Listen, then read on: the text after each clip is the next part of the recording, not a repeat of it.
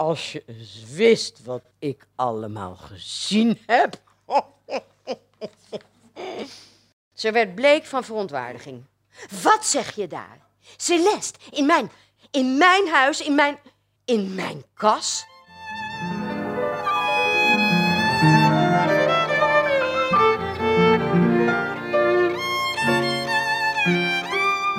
Dit is de 22e aflevering van de podcastserie Uitgelezen Verhalen Literatuur ontmoet theater. Dit keer krijg je een klassiek verhaal van de Franse grootmeester Guy de Maupassant te horen. Ik hoor sommigen van jullie nu denken, Getver, je oude meuk. Maar dan smeek ik je, luister toch verder. Het zult er echt plezier aan beleven. En deze podcastaflevering komt uit op Sinterklaasavond, dus beschouw dit als jouw surprise. Ook als je het veel later hoort, is het hopelijk nog steeds een verrassend cadeautje. Ik heet Pieter van Scherpenberg, samensteller van het theaterprogramma van Uitgelezen Verhalen en je gast hier in deze podcast.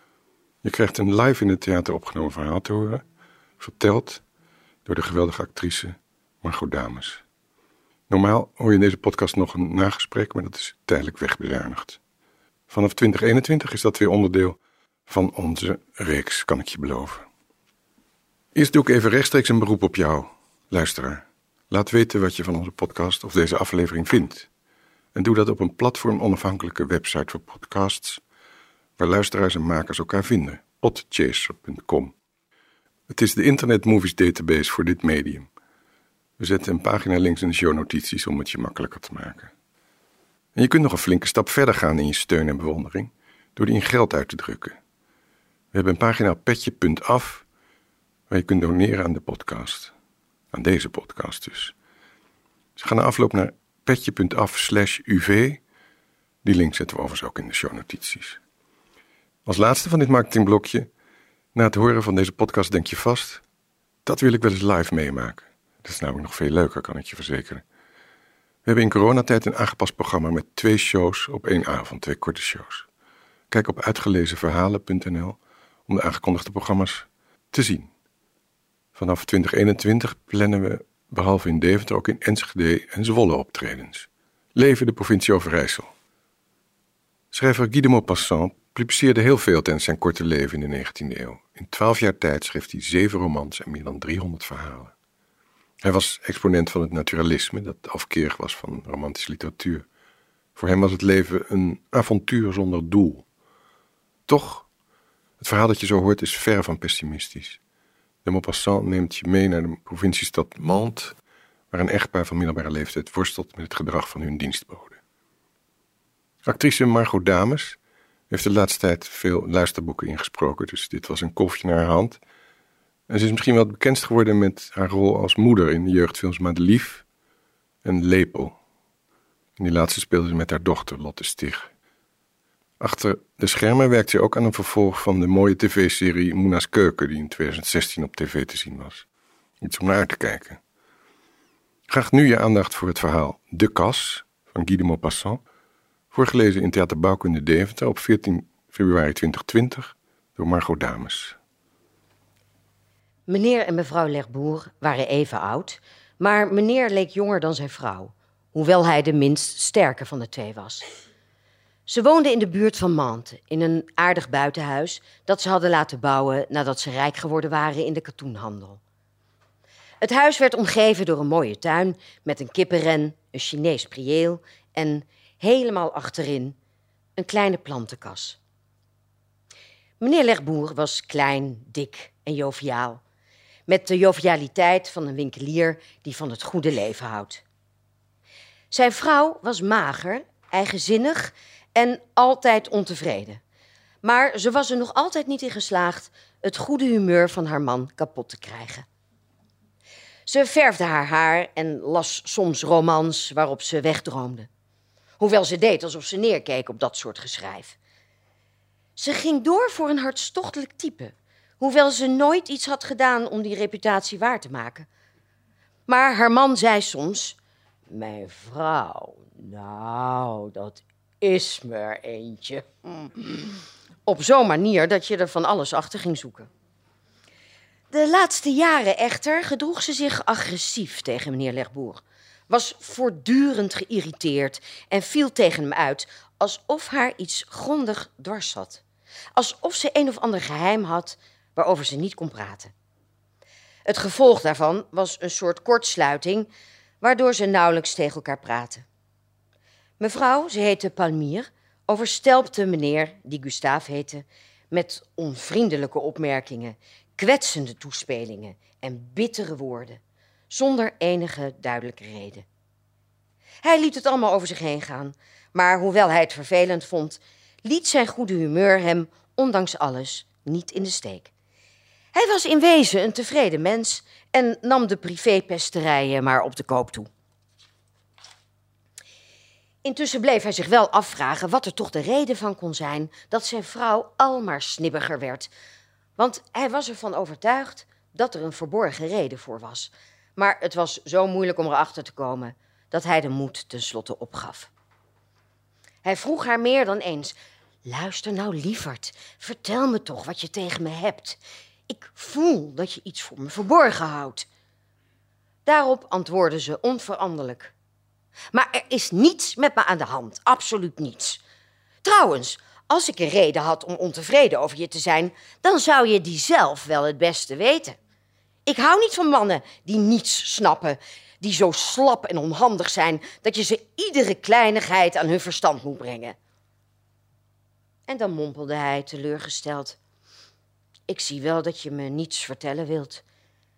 En terwijl hij wegliep, vroeg hij zich af wat voor geheim ze toch zou kunnen hebben. Vooral de nachten waren erg pijnlijk voor hem geworden. Want ze sliepen nog steeds in hetzelfde bed, zoals dat gaat bij eenvoudige, brave, echte lieden. S'nachts liet ze geen middel onbeproefd om hem te sarren. Zodra ze naast elkaar lagen, begon ze met het grovere geschut en verweet hem bijvoorbeeld steeds weer dat hij te dik werd.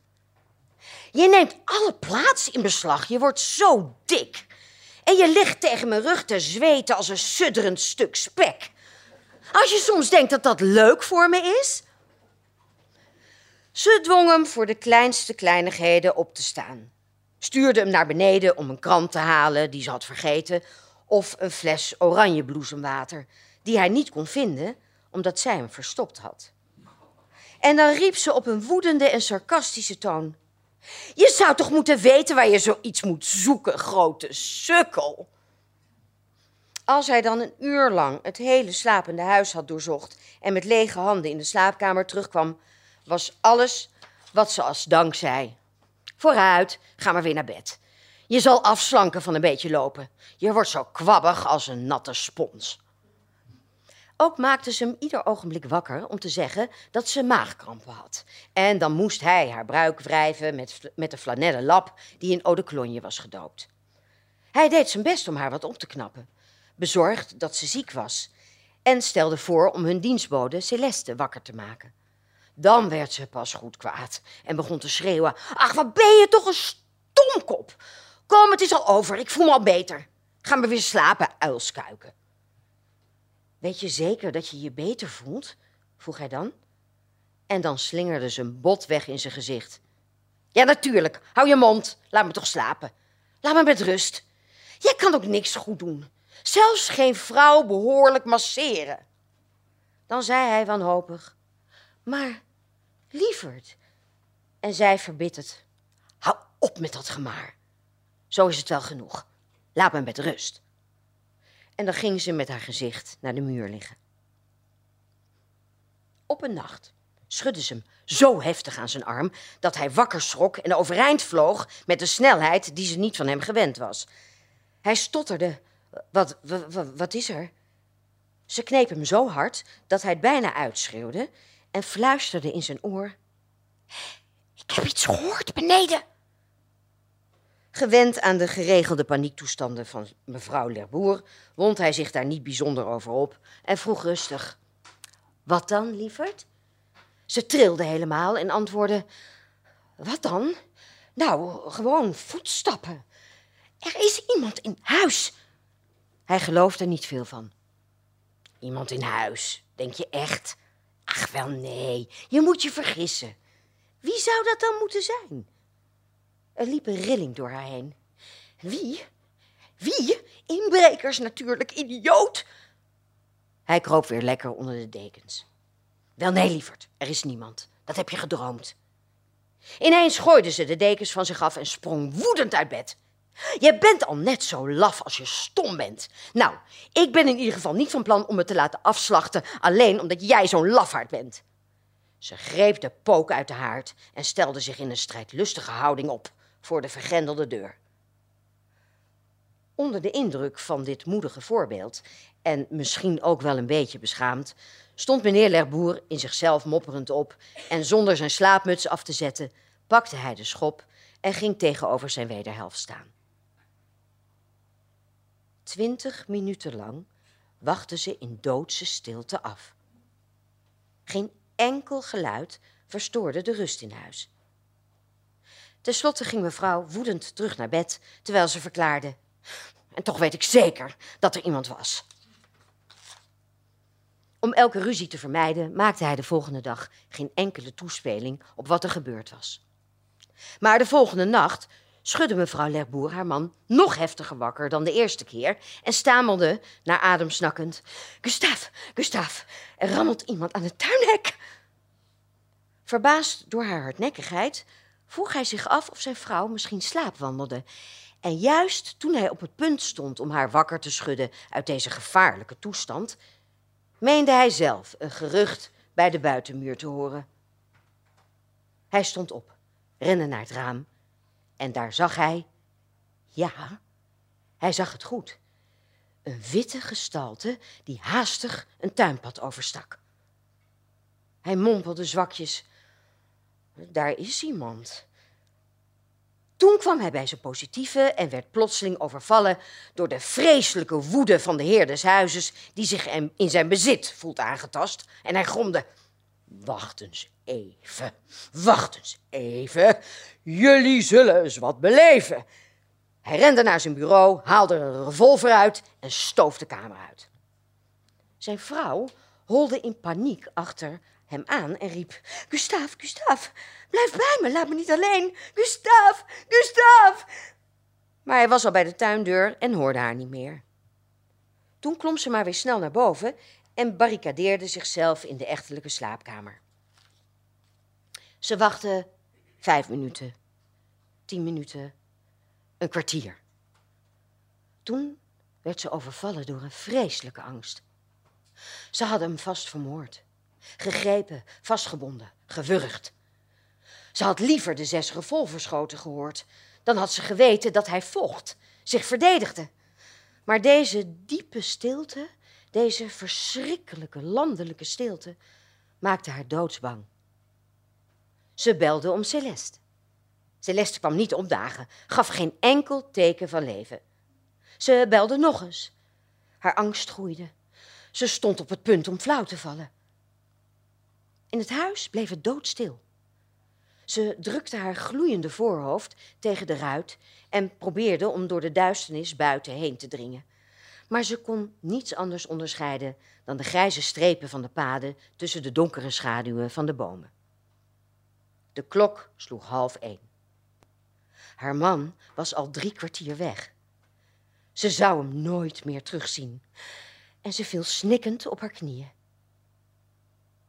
Twee zachte klopjes op de kamerdeur deden haar verschrikt overeind springen. Meneer Lerboer riep: Doe open, Pamir, ik ben het! Ze vloog naar de deur, maakte hem open en terwijl ze voor hem bleef staan met haar handen in haar zij en haar ogen vol tranen, riep ze uit: Waar kom jij vandaan, rotzak? Mij hier helemaal alleen laten, terwijl ik bijna sterf van angst. Het kan je helemaal niets schelen hoe ik me voel. Hij had de deur weer dichtgedaan en stond te schudden van het lachen. De tranen liepen over zijn wangen en hij hield met allebei zijn handen zijn buik vast. Mevrouw Lerboer zweeg verbijsterd. Hij stotterde. Het was. Het was. Celeste, die een afspraakje had in de kas. Als je eens wist wat ik. Wat ik allemaal gezien heb. Ze werd bleek van verontwaardiging. Wat zeg je daar? Celeste, in mijn in mijn huis, in mijn. In mijn kas? En jij hebt die man niet vermoord, de medeplichtige? Je had een revolver en je hebt hem niet doodgeschoten. In mijn. In mijn. Ze ging erbij zitten. Ze kon niet meer uit haar woorden komen. Hij maakte ondertussen een luchtsprongetje, knipte met zijn vingers, klakte met zijn tong en riep, nog steeds lachend: ah, Als je eens wist. Als je eens wist. Plotseling gaf hij haar een zoen. Ze duwde hem van zich af en zei met een van woede verstikte stem: Ik wil dat die meid geen dag langer in mijn huis blijft, hoor je me? Geen dag, geen Zodra ze terugkomt, gooien we haar eruit. Meneer Lerboer had zijn vrouw bij haar middel gepakt en gaf haar een hele serie zoenen in haar nek. Echte klapzoenen, zoals in een goede oude tijd. Ze hield haar mond, totaal overrompeld. Toen nam hij haar in zijn armen en trok haar zachtjes mee naar bed. Tegen half tien de volgende morgen klopte Celeste bescheiden op de slaapkamerdeur van haar baas en bazin. Verbaasd dat ze nog steeds niet waren opgestaan, terwijl ze anders altijd zo vroeg waren. Ze lagen gezellig in bed met elkaar te babbelen.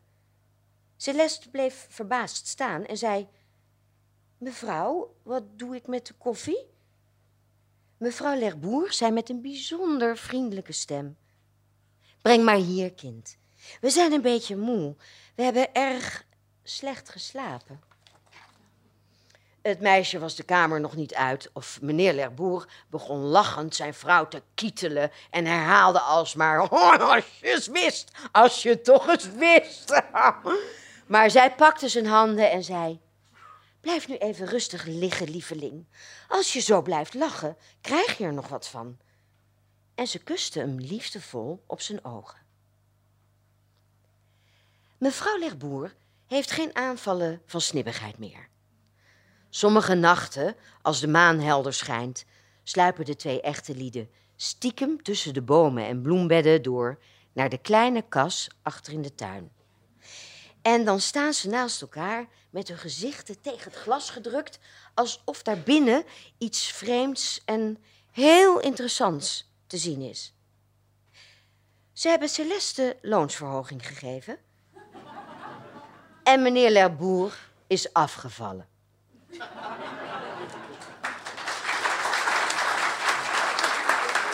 Nou, dat was toch een goed verhaal en een goede stem, nietwaar? Ik heb het graag voor je uitgezocht en laten vertolken. Deze aflevering is mede mogelijk gemaakt door het Fonds Kleine Culturele Initiatief van de provincie Overijssel van het Prins Bernhard Cultuurfonds Overijssel en de gemeente Deventer.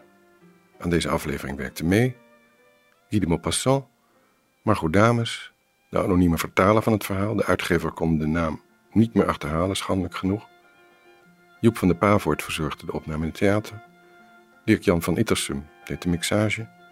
De herkenningsmelodie is van Instant Classical Amir Swaap en Sietse van Gorkom. Ik ben Pieter van Scherpenberg en gids je door deze 22e aflevering. Graag tot een andere keer.